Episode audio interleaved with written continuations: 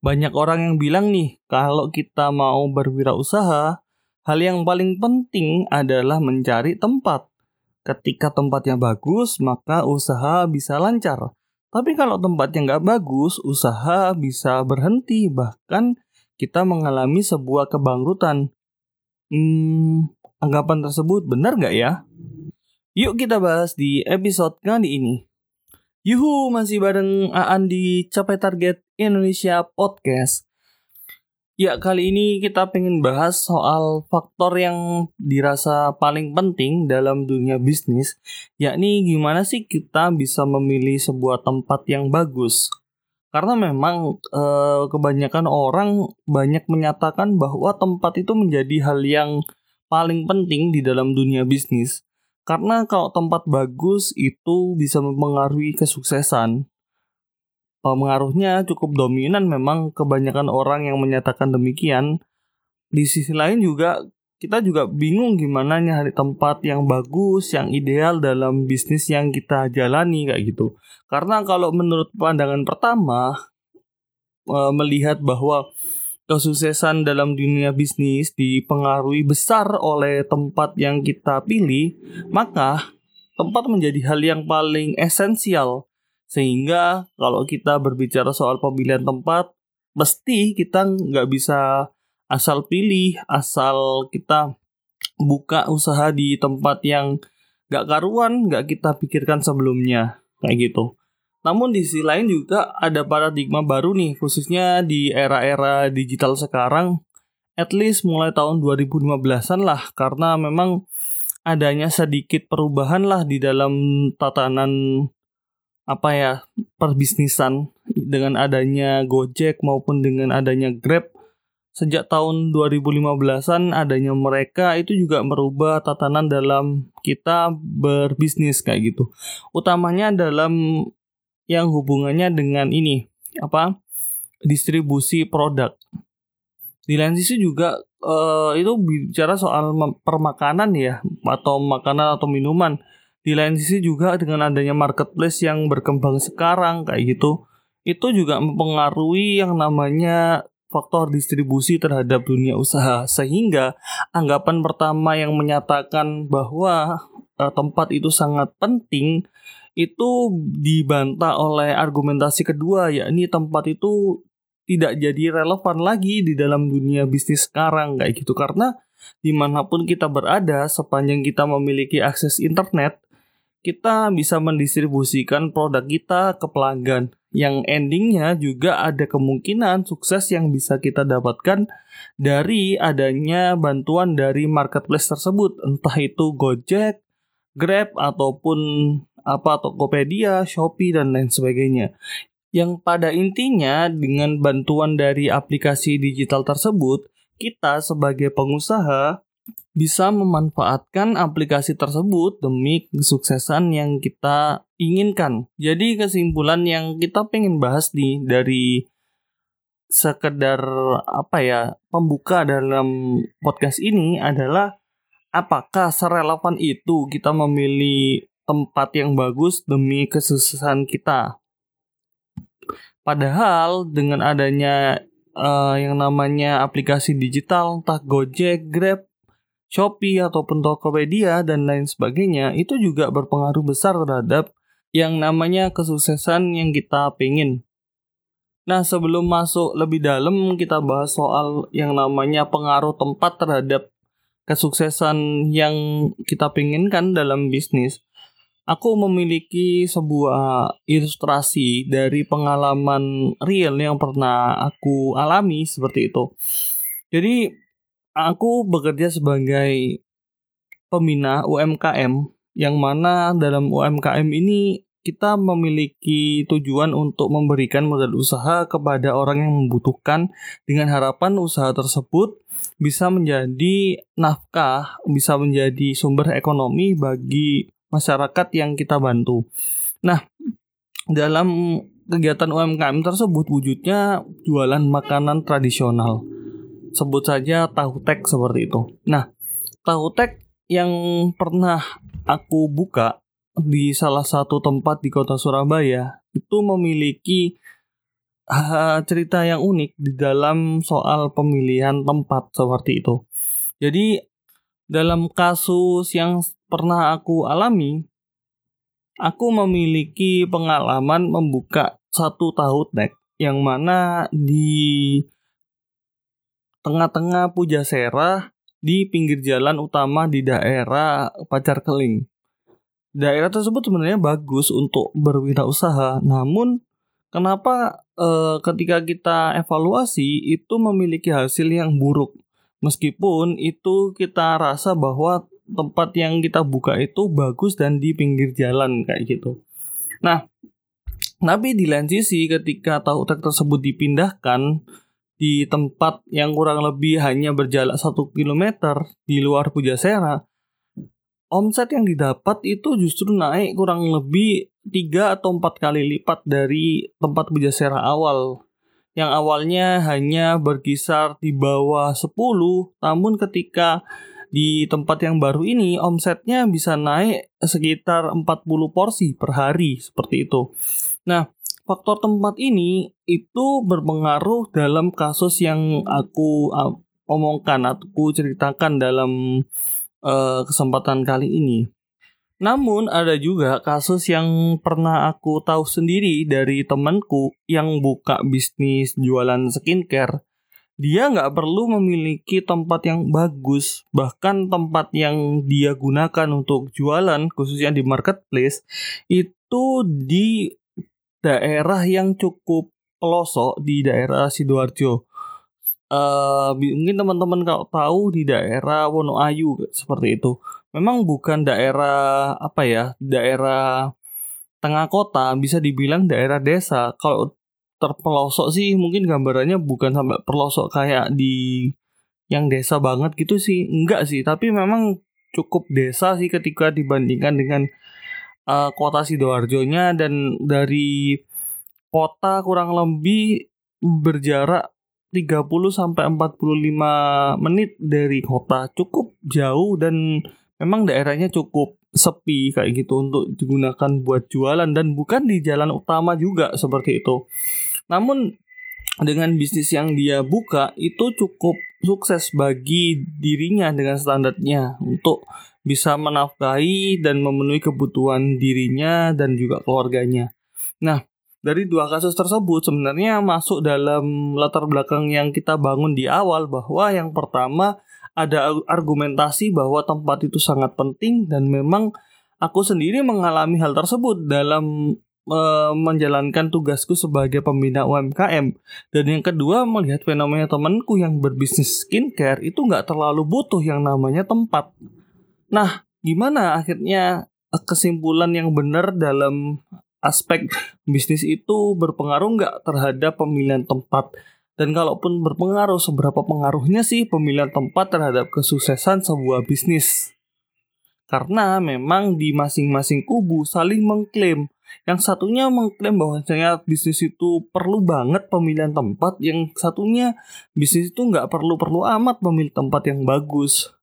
Dan kalaupun misalkan ada argumentasi loh yang uh, contoh kedua memang bukan karena contoh yang relevan dengan contoh pertama karena contoh pertama soal makanan, yang kedua contohnya soal bisnis skincare.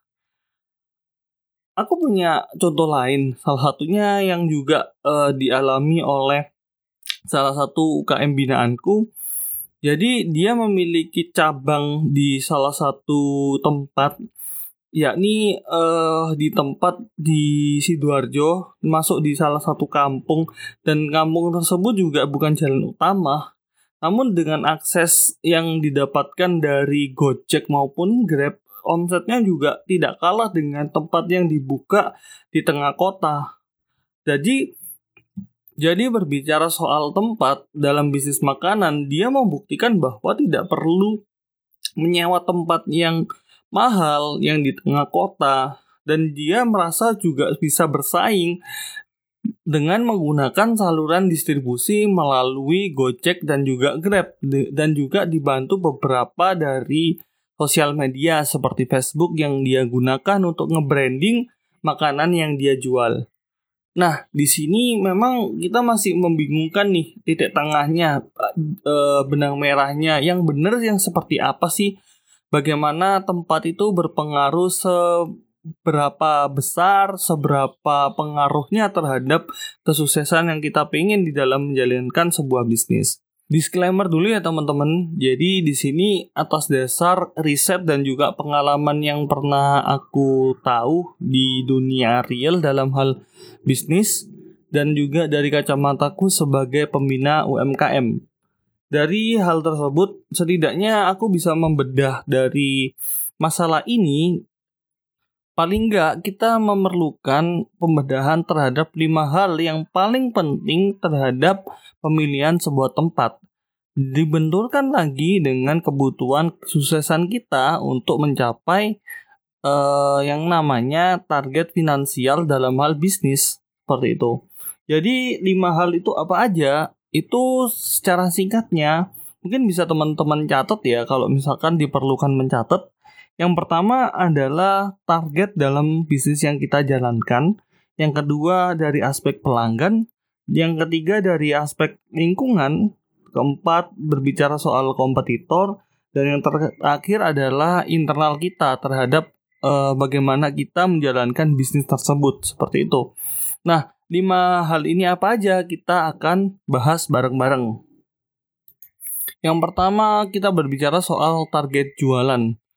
Target jualan ini yang pada intinya adalah kita pengen apa sih terhadap jualan yang kita jalankan berbicara soal misalkan kita menargetkan jualan katakanlah jualan makanan kita sehari 20 porsi, 30 porsi ataupun bisa jadi lebih antara 50 sampai 100.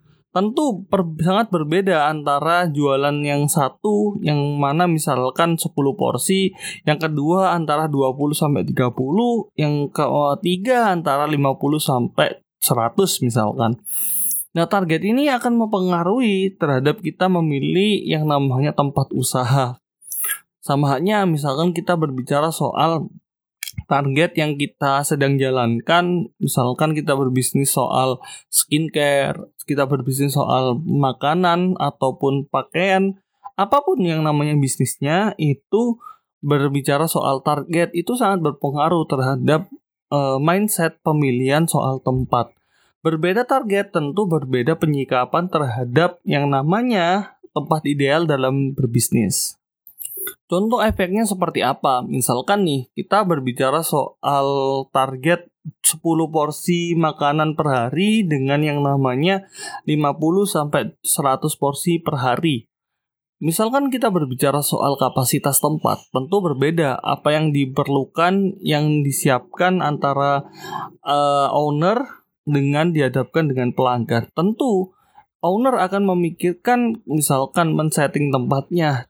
Setting tempat um, dengan target 10 porsi per hari dengan 50 porsi per hari jelas berbeda. Contoh dalam hal ini misalkan dengan 10 porsi cukup hanya dengan memberikan uh, ruangan space yang kurang lebih ya bisa dibilang mungkin kita analogikan kisaran 5 kali 10 meter persegi dengan kapasitas di dalamnya itu terdiri dari bangku, terus habis itu kursi dan lain sebagainya.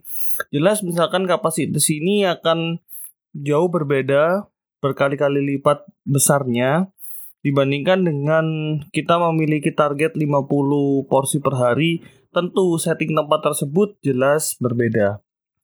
Oke, yang pertama berbicara soal target yang pada intinya bahwa tiap target akan direpresentasikan uh, dalam bentuk uh, pemilihan tempat yang sesuai dengan kondisinya masing-masing. Nilai ideal antara satu target dengan target yang lain itu jelas berbeda.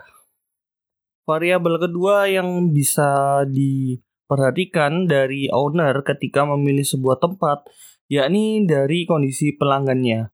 Maksud dari kondisi pelanggannya itu seperti apa? Di sini pelanggan dari owner itu jelas memiliki preferensi dari masing-masing tempat yang dirasa ideal bagi mereka. Contoh misalkan dalam hal ini berbicara soal apa jenis pelanggan. Tentu jenis pelanggan satu dengan jenis pelanggan yang lainnya terkait dengan bisnis yang kita jalankan itu pasti preferensinya beda-beda. Bisnis satu misalkan bisnis yang didasari dari uh, bidang kuliner, contoh misalkan mendirikan makanan atau minuman, sebut saja kayak misalkan dari contohku tadi yakni tahu tek. Uh, sedikit info sih buat teman-teman yang barangkali belum tahu apa itu yang namanya tahu tek itu sebenarnya makanan tradisional khas di daerah Jawa Timuran yang terdiri dari tahu, lontong, telur, dan juga yang khas itu yang namanya petis. Nah, bagi yang juga belum tahu yang namanya petis, itu singkatnya adalah olahan dari udang ataupun ikan yang mana uh, dalam hal olahan tersebut itu dijadikan bumbu masakan. Biasanya warnanya berbentuk uh, hitam dan bentuknya itu sedikit apa ya ya bisa dibilang kenyal gitu ya. Nggak padat juga dan juga nggak cair seperti itu. Nah balik lagi soal preferensi pelanggan. Makna dari preferensi pelanggan ini itu kaitannya erat dengan bisnis dan juga kemauan dari pelanggan. Bagaimana preferensi dari masing-masing pelanggan dan juga keinginan mereka serta dihadapkan dengan kemampuan dari si owner untuk bisa memenuhi hal tersebut. Contohnya nih misalkan dalam hal konsen atau tidaknya mereka terhadap um, tempat yang menunjang terhadap pemilihan ataupun juga mempengaruhi dia untuk bertransaksi dengan kita.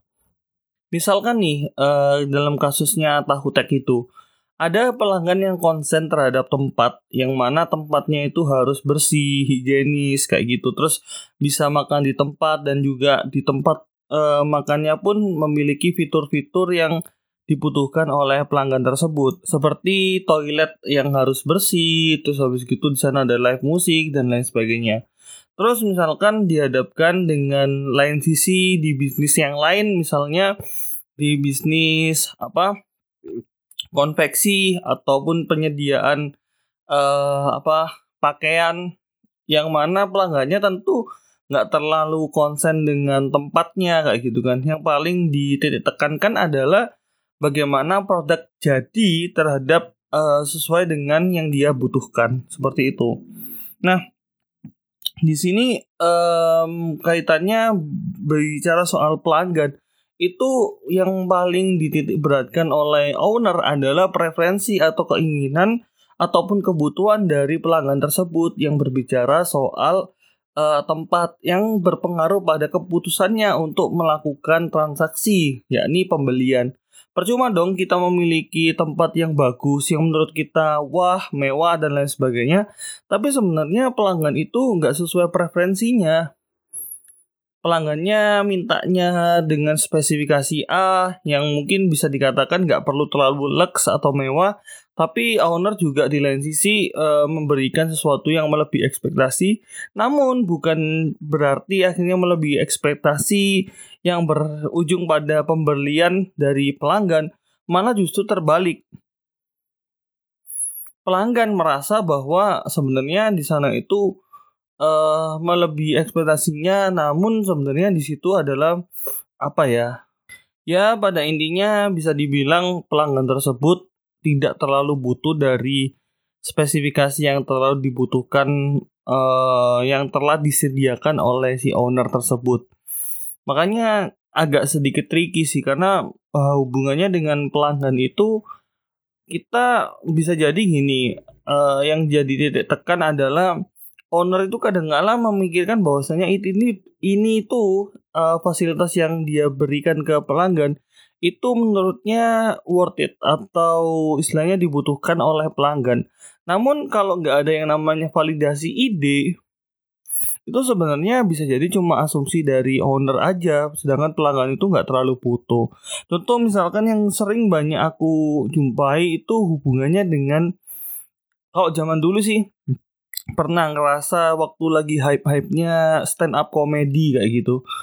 Waktu itu sempat pernah makan di salah satu tempat yang menurutku sih kalau masalah tempatnya sih juga cukup nyaman ya, tapi di sana itu yang aneh adalah uh, disediakannya ini acara stand up comedy kayak gitu dan waktu itu juga posisinya uh, tempat tersebut cukup sepi bisa dibilang bukan yang full kapasitas yang akhirnya terisi penuh namun hanya ada beberapa uh, pengunjung saja dan salah satunya juga dari ini apa teman-temanku yang juga ke sana yang akhirnya ketika pertunjukan stand up comedy itu itu kita ngerasa sedikit aneh kayak gitu. Terus di lain sisi juga materi yang dibawakan juga nggak sesuai dengan kita. Mungkin yang paling aku ingat dalam konteks itu adalah materi yang berbau soal uh, sedikit 18 plus ya atau sedikit vulgar. Karena yang datang di sana juga teman-temanku juga nggak terlalu konsen atau menikmati dari materi tersebut kayak gitu.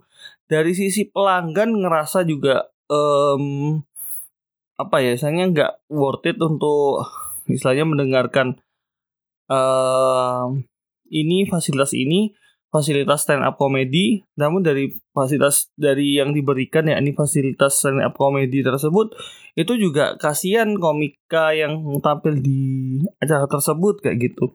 Nah masalah balik lagi soal masalah tempat. Itu sebenarnya perlu dipikirkan juga dari owner apakah pemilihan ter tempat tersebut itu apa ya istilahnya memberikan kelayakan atau istilahnya fitur-fitur yang diberikan itu memadai sesuai dengan kebutuhan pelanggan. Ya bisa jadi misalkan kita membentuk sebuah cafe dengan konsep apa namanya nongkrong kayak gitu mungkin butuh space yang besar kayak gitu makanya owner konsen terhadap yang namanya luas bangunan dan luas tanah kayak gitu karena perlu diberikan yang namanya fitur-fitur kayak gitu seperti live musik ataupun juga istilahnya atraksi-atraksi atau kumpul-kumpul ini mewadai kumpul-kumpul dari komunitas dan lain sebagainya yang pada intinya sih sebenarnya balik lagi pada kata kunci adalah apakah preferensi yang dibutuhkan oleh pelanggan itu bisa ditangkap oleh owner. Jangan-jangan owner itu hanya memikirkan bahwa sebenarnya ini itu dibutuhkan pelanggan, namun hanya pikiran dari owner aja atau persepsi dari owner aja yang akhirnya perlu divalidasi lagi ya gitu. Jangan-jangan kalau nggak divalidasi juga pelanggan itu ngerasa percuma untuk uh, owner itu mengeluarkan sedemikian rupa padahal pelanggan itu nggak membutuhkan seperti itu. Terus yang ketiga ini yang uh, cukup ini ya barangkali jadi polemik juga yang sempat banyak barangkali teman-teman juga mengalami salah satunya yang aku alami juga polemik soal yang namanya lingkungan. Sebelumnya kita samakan dulu asumsi yang namanya lingkungan itu apa. Dalam dimensi atau dalam apa namanya dunia bisnis itu sebenarnya lingkungan itu bisa dimaknai hal-hal yang di luar dari eh, kompetisi dan juga eh, di luar dari pelanggan. Kalau berbicara soal kompetisi itu eh, kita berbicara soal kompetitor. Namun kalau kita berbicara soal pelanggan, maka kita berbicara soal siapa yang nanti menerima produk kita. Nah, orang yang di luar dua reali dua realitas tersebut itu yang dinamakan lingkungan. Contoh misalkan nih eh, kita sewa tempat ya yang punya tempat itu atau mungkin yang bapak-bapak atau ibu-ibu yang menyewakan tempatnya ke kita itu yang kita bisa sebut lingkungan atau misalkan kita hubungannya dengan aparat setempat seperti halnya RT RW ataupun juga aparat keamanan yang ada seperti itu. Nah, hal tersebut sebenarnya pada intinya adalah lingkungan ini aspek di luar kompetisi dan juga pelanggan di mana segala hal itu bisa masuk di sana termasuk misalkan bicara soal apa namanya kayak cuaca ataupun juga kondisi lingkungan sekitar itu juga masuk di variabel lingkungan. Nah, variabel lingkungan di konteks ini itu sangat-sangat berpengaruh dalam aspek pemilihan tempat balik lagi pemilihan tempat itu kan kita memiliki keinginan bahwa apa yang diasumsikan oleh owner itu sejalan dengan apa yang dibutuhkan oleh pelanggan. Pada kaitannya di sini owner memiliki cita-cita atau keinginan bahwa uh, tempatnya itu pengen disetting sedemikian rupa. Namun ada kendala dari aspek lingkungan yang tidak menyetujui hal tersebut itu realitasnya banyak terjadi. Misalkan contohnya kita pengen nih bangun live musik yang ya tempat uh, katakanlah tempat makan yang enak namun lingkungannya nggak memadai karena nggak disetujui atau nggak disupport yang akhirnya mengancam dari fitur tersebut kita tidak bisa berikan kepada pelanggan. Aspek-aspek terhadap yang namanya lingkungan dalam hal ini khususnya adalah orang-orang yang terlibat di dalam uh, aktivitas bisnis kita di luar kompetitor dan juga pelanggan, baik itu tempat uh, apa namanya memiliki tempat sewa ataupun orang yang terlibat di sekitar situ itu menjadi konsen kita yang harus kita pikirkan juga karena ketika hal tersebut luput itu bisa jadi strategi yang kita bangun di awal itu justru menjadi hangus karena apa? Dimentahkan oleh yang namanya lingkungan yang tidak suportif. Terus uh, ada omongan misalkan andai kata lingkungan tidak support, suportif pun meskipun kita menghadapi lingkungan yang demikian, apakah kita bisa tabrak aja akhirnya nggak terlalu peduli pada lingkungan yang akhirnya ya kita ego untuk memaksakan bahwa fitur yang kita berikan ke pelanggan itu harus ada.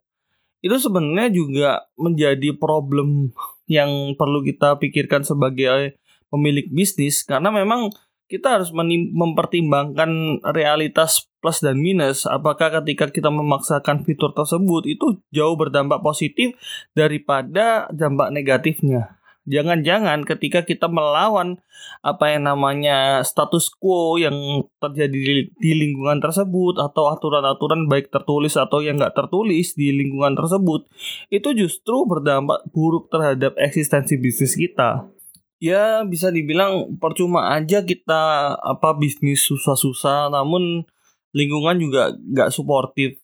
Ya rasanya bisnis juga akan banyak terjadi apa hambatan yang kita alami. Karena ya gimana gimana kita juga kan sebagai makhluk sosial nggak lepas dari lingkungan sekitar seperti itu.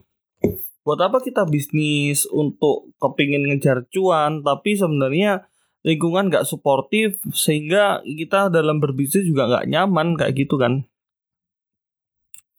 Lalu yang menjadi concern juga itu tadi kita berbicara soal lingkungan yang sifatnya adalah makhluk hidup yakni hubungannya dengan misalkan aparat setempat ataupun uh, hubungannya dengan orang yang memiliki wewenang atau istilahnya pemilik dari tempat tersebut yang bisa jadi concern lain adalah hubungannya dengan aspek-aspek yang hubungannya tidak langsung uh, memiliki keterkaitan dengan yang namanya makhluk hidup atau orang yang terlibat di aktivitas bisnis kita uh, di sekitar lingkungan yang sedang kita jalankan bisnisnya kayak gitu.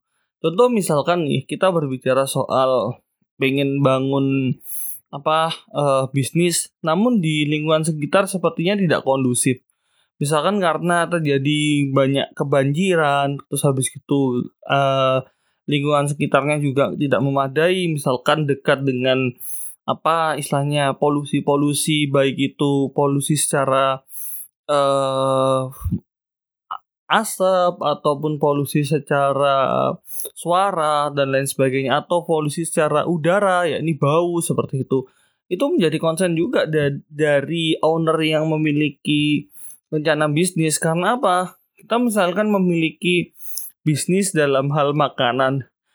Makanan ini kan identik dengan yang namanya indera penciuman dan juga indera pengecap kan karena esensi dari makanan itu kan di bau aromanya, dicium aromanya dan juga dirasa e, rasanya melalui lidah kita kayak gitu kan.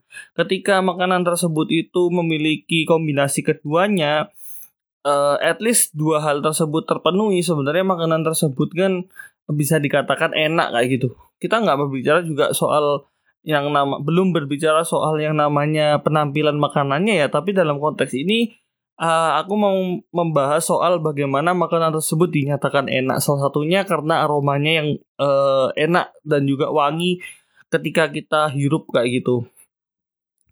Nah, masalahnya kalau misalkan kita bicara soal lingkungan, terus lingkungan kita itu dekat dengan sampah kayak gitu terus baunya nggak enak itu jelas mempengaruhi ini kan bagaimana kita bisa memaksimalkan potensi yang kita punya atau produk yang kita punya kepada pelanggan kan.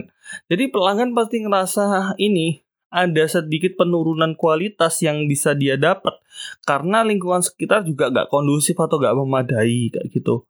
Contoh juga lain misalkan di lingkungan sekitar pabrik yang di sana pabriknya itu juga mengeluarkan polusi udara seperti itu terus habis gitu uh, apa ada pembangunan wilayah di sana yang akhirnya berdampak pada polusi, kebisingan dan lain sebagainya. Itu perlu jadi konsen juga kayak gitu sebagai contoh utamanya dalam orang yang memilih bisnis makanan sebagai senjata utamanya untuk mencari cuan kayak gitu. Mungkin yang hubungannya dengan apa bisnis di luar makanan bisa jadi faktor tersebut uh, bisa ada ataupun nggak ada, bisa berpengaruh kecil ataupun besar yang pada ininya juga hal tersebut perlu di evaluasi perlu di apa cari datanya. Karena jangan-jangan yang kita nggak pikirkan atau hal sepele tersebut sebenarnya berpengaruh dampaknya besar juga buat bisnis kita seperti itu. Ini catatan khusus juga salah satunya yang aku temukan di dalam aku menjalankan uh, aktivitasku sebagai pembina UMKM Khususnya catatan ini adalah catatan untuk teman-teman yang juga bisnis makanan ataupun juga bisnis lain yang hubungannya dengan faktor pengaruh lingkungan juga yang cukup erat. Dalam hal ini adalah karakteristik dari lingkungannya kayak gitu.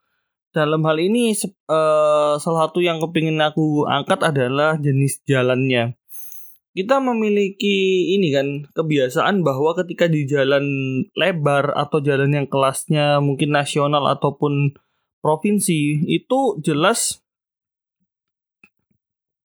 kita bisa memacu kendaraan itu dengan lebih cepat. Karena apa? Jalannya memadai secara kualitas juga bagus secara apa namanya uh, besar kecilnya itu juga besar karena jalannya tersebut cukup lebar yang pada intinya jalan tersebut itu bisa memberikan keleluasaan kita sebagai pengendara dalam hal ini pastikan kita bisa memacu kendaraan itu jauh lebih cepat daripada kita memacu kendaraan di wilayah kampung ataupun di wilayah yang lebih sempit.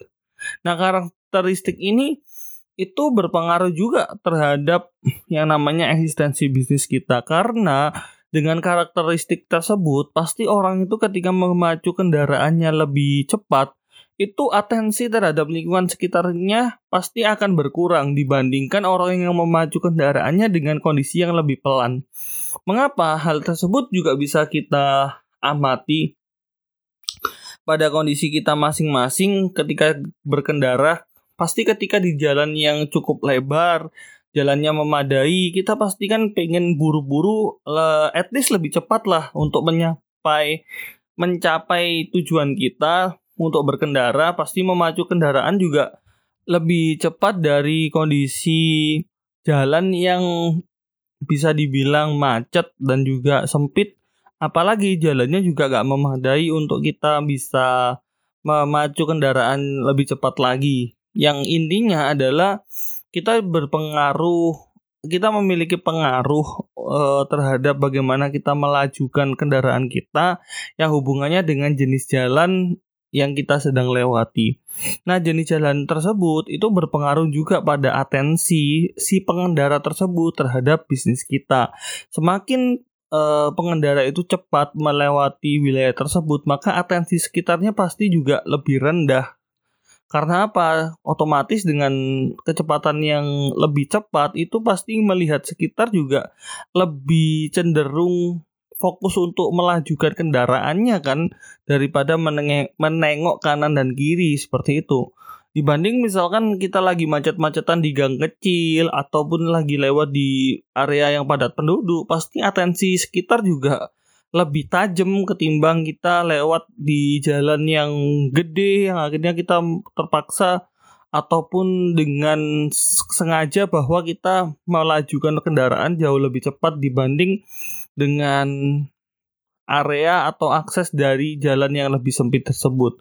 Nah, intinya di hal ini yang pernah aku alami sebagai pembina UMKM itu pengaruhnya juga cukup gede karena untuk kita bagaimana membuat atensi ataupun mengundang atensi dari pengendara untuk akhirnya tahu bahwasanya kita lagi jualan itu juga perlu trik yang jauh lebih apa um, berdaya upaya. Karena apa? Ketika kita di wilayah yang lebih tidak cepat pengendaranya atau melajukan kendaraannya juga bisa dibilang dengan dibawa kecepatan 50 km per jam itu jauh lebih gampang untuk menimbulkan atensi karena pengendara pasti juga nengok kanan dan kiri.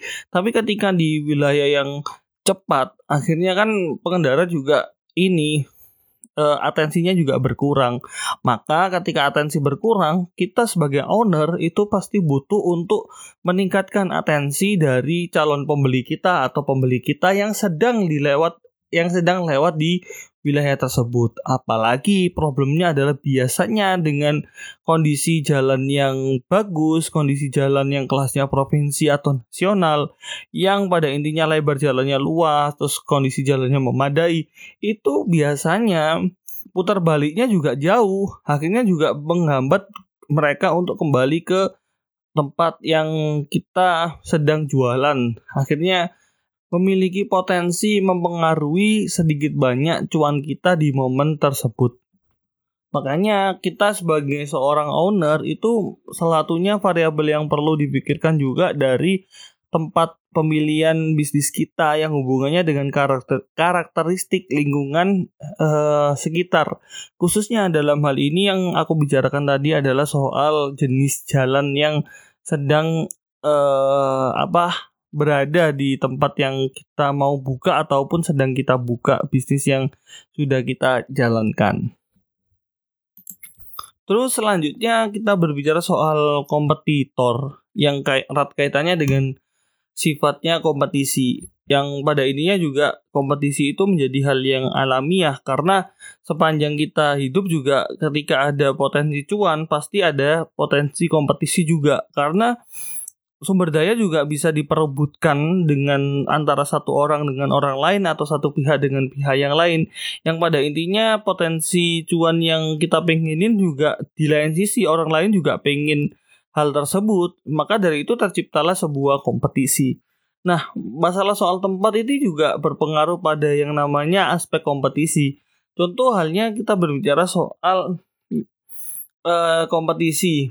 Kita melihat lingkungan sekitar kita kita memiliki produk yang sejenis ataupun produk yang nggak sejenis yang berpengaruh terhadap um, tercapainya target kita. Bicara soal yang namanya tahu kutek dalam kasusku sebagai pembina UMKM, maka pemilihan tempat itu juga mempertimbangkan yang namanya kompetisi.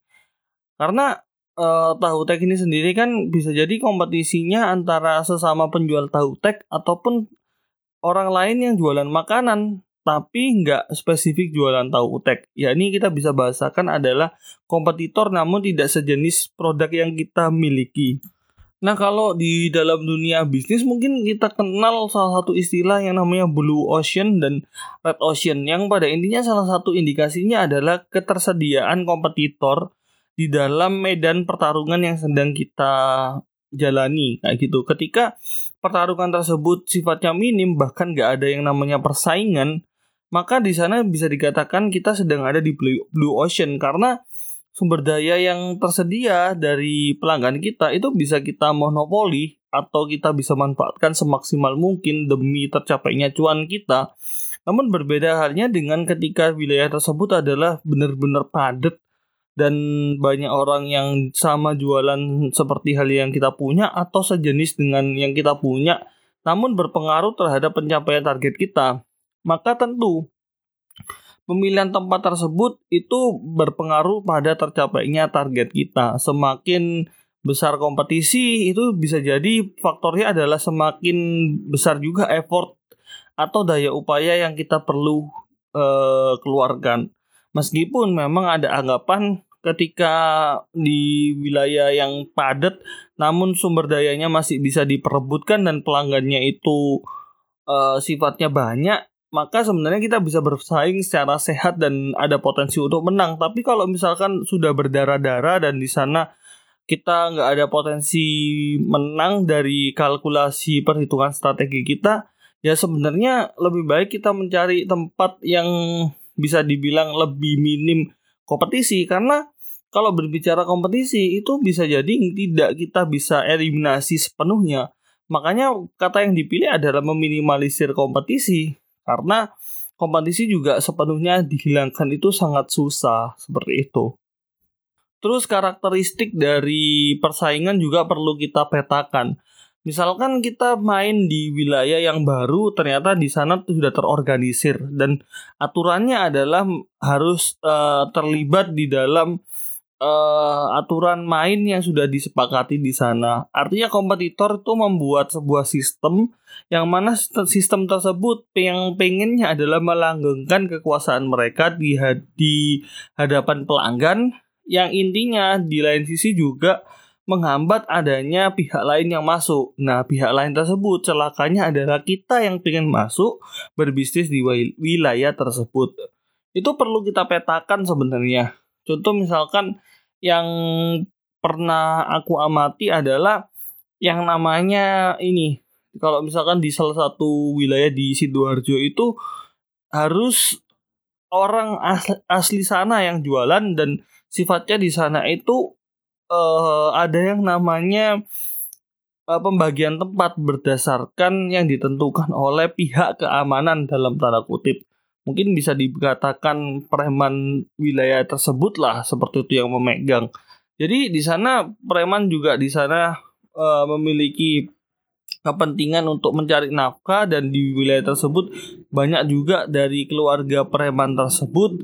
Artinya kita berkompetisi pada situasi yang benar-benar sudah terorganisir yang di sana kalau kita nggak memiliki uh, tidak memenuhi kualifikasi itu wajib pergi Ataupun kalau kita sekalipun memiliki kualifikasi, kita anggap aja orang sana dan nggak bisa memenuhi standar yang mereka harapkan, itu tentu dampaknya jauh lebih gede terhadap bisnis yang kita sedang jalankan. Makanya faktor pemilihan tempat selain kita memperhitungkan jumlah kompetitor, terus habis gitu yang namanya uh, jenisnya apakah sesuai dengan produk yang kita jual ataupun berbeda dengan jenis produk yang kita jual. Faktor lain adalah kita berbicara soal jenis kompetitornya. Apakah mereka terorganisir menjalankan bisnisnya secara baik-baik sesuai dengan norma dan aturan yang berlaku ataupun menggunakan cara-cara lain yang bisa dibilang itu cukup licik seperti itu.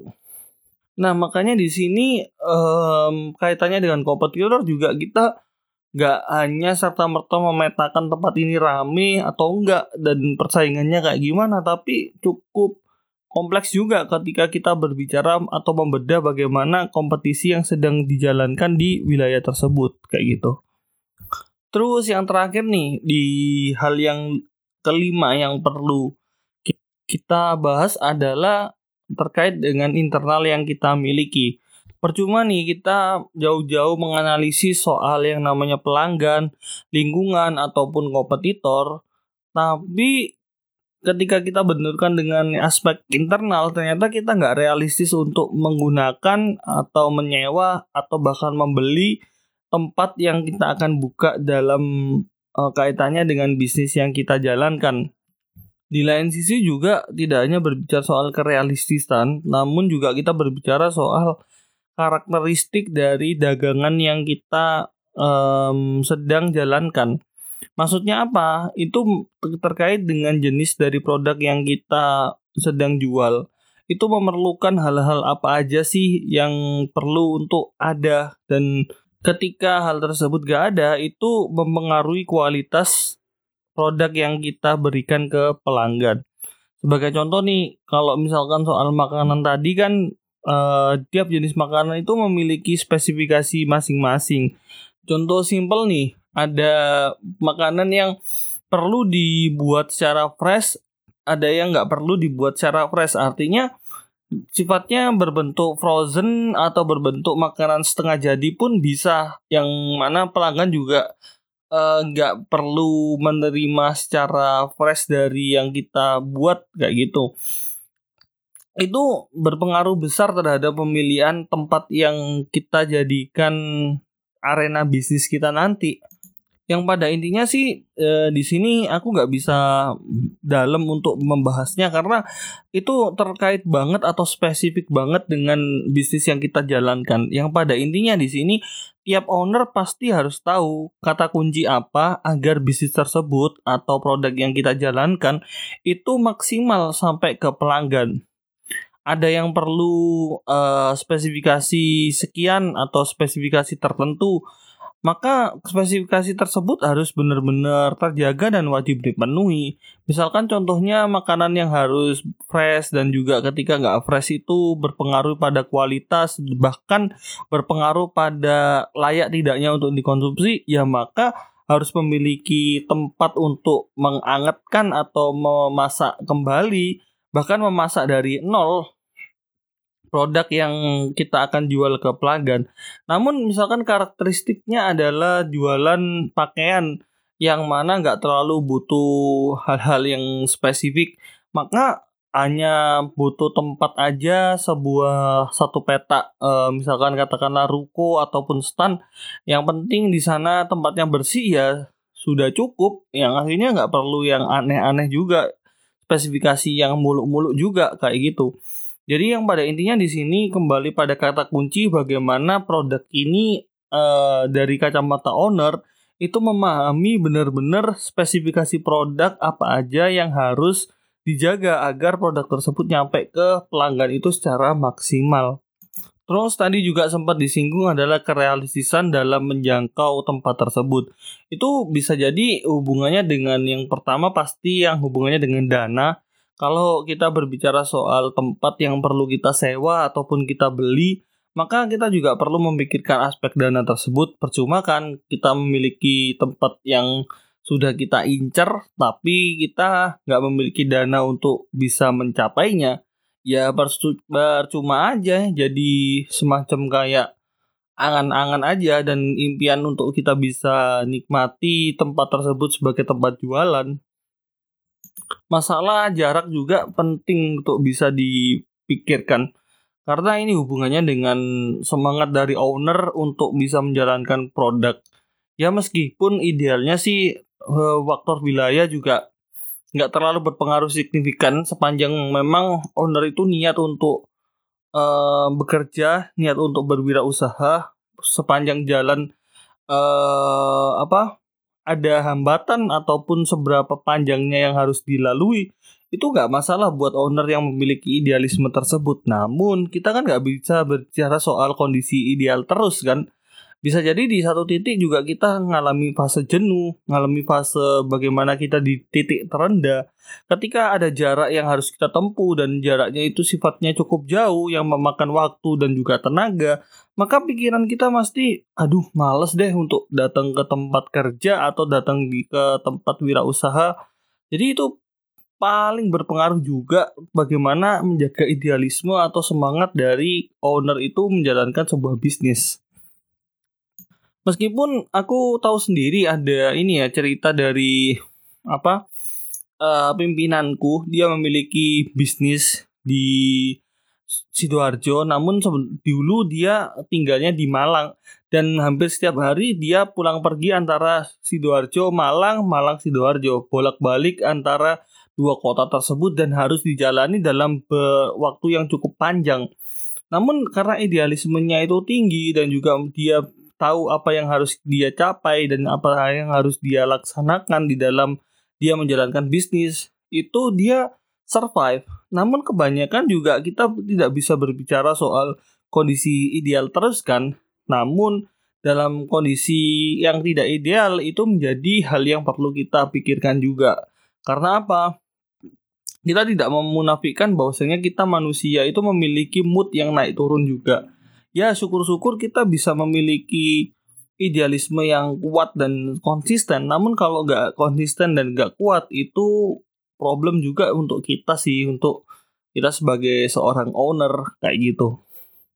Nah, uh, kurang lebihnya faktor pemilihan tempat itu kalau dirangkum dari penjelasan yang sudah kita sampaikan sebelumnya, yakni ternyata nggak sesimpel kita berpikir bahwa kita kerja itu yang penting asal buka aja kayak gitu. Tapi perlu kita analisis juga bagaimana tempat itu berpengaruh pada yang namanya bisnis kita at least tadi ada beberapa hal yang sudah kita bicarakan atau diskusikan. Yang pertama soal bagaimana kita memandang target yang kita ingin capai, lalu soal bagaimana karakteristik pelanggan, terus bagaimana kondisi kompetisi yang sedang kita hadapi, terus berbicara soal lingkungan juga, bagaimana wilayah sekitar atau eh, faktor-faktor uh, yang ada di sekitar kita berpengaruh pada tercapainya bisnis kita Terus yang terakhir adalah bagaimana soal kondisi internal kita. Dari lima hal ini tadi, itu kita wajib untuk mengkomparasikan dari berbagai banyak data yang kita dapatkan itu diracik menjadi satu kesimpulan apakah tempat ini layak atau enggak untuk kita jalankan menjadi arena bisnis kita ataupun enggak layak untuk menjadi arena bisnis kita. Karena ketika semakin detail data yang kita dapat itu pertanggungjawabannya juga semakin kuat karena data yang kita dapat itu kan meliputi dari banyak sudut pandang yang sudah ada kayak gitu. Nah, tapi dari pembahasan ini sebenarnya masih menyisakan pertanyaan apakah bisnis itu sangat berpengaruh atau memiliki ketergantungan terhadap yang namanya tempat itu sebenarnya jawabannya adalah tergantung dari bisnis yang kita miliki kayak gitu. Apakah tempat itu e, benar-benar menjadi faktor kunci kayak gitu. Satunya kalau misalkan kita berbicara soal kuliner itu masih sampai sekarang sepanjang pengetahuanku dan pengamatanku adalah tempat itu sangat berpengaruh. Namun di lain sisi juga ada wilayah-wilayah tertentu, misalkan di bisnis-bisnis yang keterkaitannya tidak pada end user atau apa pelanggan langsung yang menikmati itu tempat juga nggak seberapa pengaruh atau dari jenis bisnis yang end user tapi produknya itu nggak perlu langsung uh, apa ya berinteraksi antara owner dengan pelanggan secara langsung. Itu sebenarnya faktor tempat juga tidak terlalu pengaruh sih. Main banyak di ini apa saluran distribusi aja. Bagaimana dia bisa mendistribusikan lebih cepat dan tepat sasaran kepada pelanggan yang uh, dipengenin kayak gitu. Terus berbicara soal yang namanya adanya marketplace, kita juga nggak mau menafikan bahwasanya marketplace itu membantu terhadap bisnis yang kita miliki, entah itu dari Gojek, Grab yang hubungannya dengan makanan minuman ataupun marketplace yang hubungannya dengan di luar tersebut kayak misalkan Tokopedia, Shopee dan lain sebagainya. Kita tidak memunafikan soal adanya hal tersebut. Namun memang kalau misalkan dijalankan secara simultan antara offline dan online itu bisa berjalan beriringan, itu sebenarnya powerful. Tapi tidak saklek juga. Kadang memang nggak memerlukan online, nggak memerlukan strategi online, hanya fokus pada strategi offline aja atau bisa dibilang mungkin mayoritas atau dominannya di offline nggak terlalu banyak di online atau di lain sisi juga offline-nya nggak terlalu jalan namun online-nya yang kenceng untuk bisa mendapatkan pelanggan. Itu balik lagi sangat ini apa subjektif atau sangat uh, tiap individu, tiap jenis bisnis itu berbeda antara satu dengan yang lain.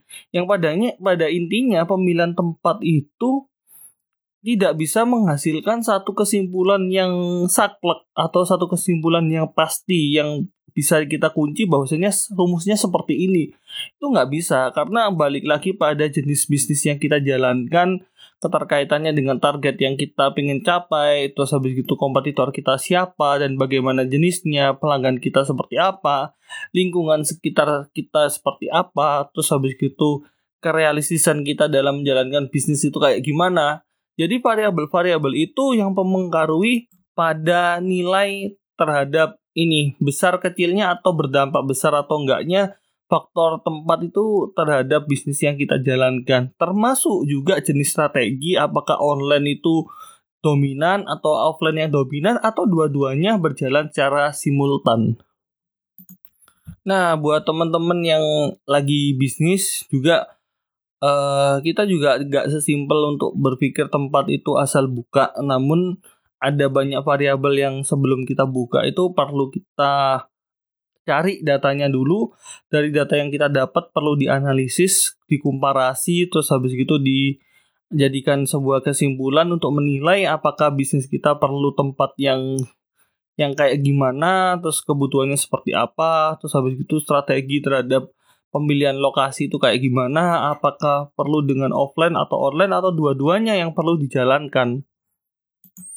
Oke, uh, kurang lebih sebenarnya cukup panjang pembahasan kita kali ini karena meskipun temanya cukup simpel pemilihan soal tempat, tapi sebenarnya agak sedikit apa ya istilahnya cukup menguras tenaga karena memang memilih tempat itu juga efeknya jangka panjang juga cukup lumayan. Apalagi kalau misalkan kita berbicara soal tempat itu kita harus menetap di waktu tersebut dengan kondisi waktu yang tidak bisa dibilang tidak pendek misalkan harus kontrak 1 2 tahun bahkan lebih kayak gitu atau bahkan sifatnya permanen gitu ya tergantung jenis bisnisnya masing-masing. Jadi pada kesimpulannya di kesempatan kali ini kita menghasilkan kesimpulan bahwa analisis terhadap uh, pemilihan tempat itu tidak sesimpel yang kita pikirkan sebelumnya dan juga hasil kesimpulan apakah bisnis kita itu lebih baik dijalankan seperti apa itu antara satu bisnis dengan bisnis yang lain dalam kaitannya memilih tempat itu tidak bisa dikatakan saklek atau memiliki jawaban yang pasti. Kembali pada jenis bisnis yang kita jalankan, target kita seperti apa, dan lain sebagainya. Intinya di lima variabel tadi yang kita harus buka di analisis bisnis kita terhadap memilih sebuah tempat.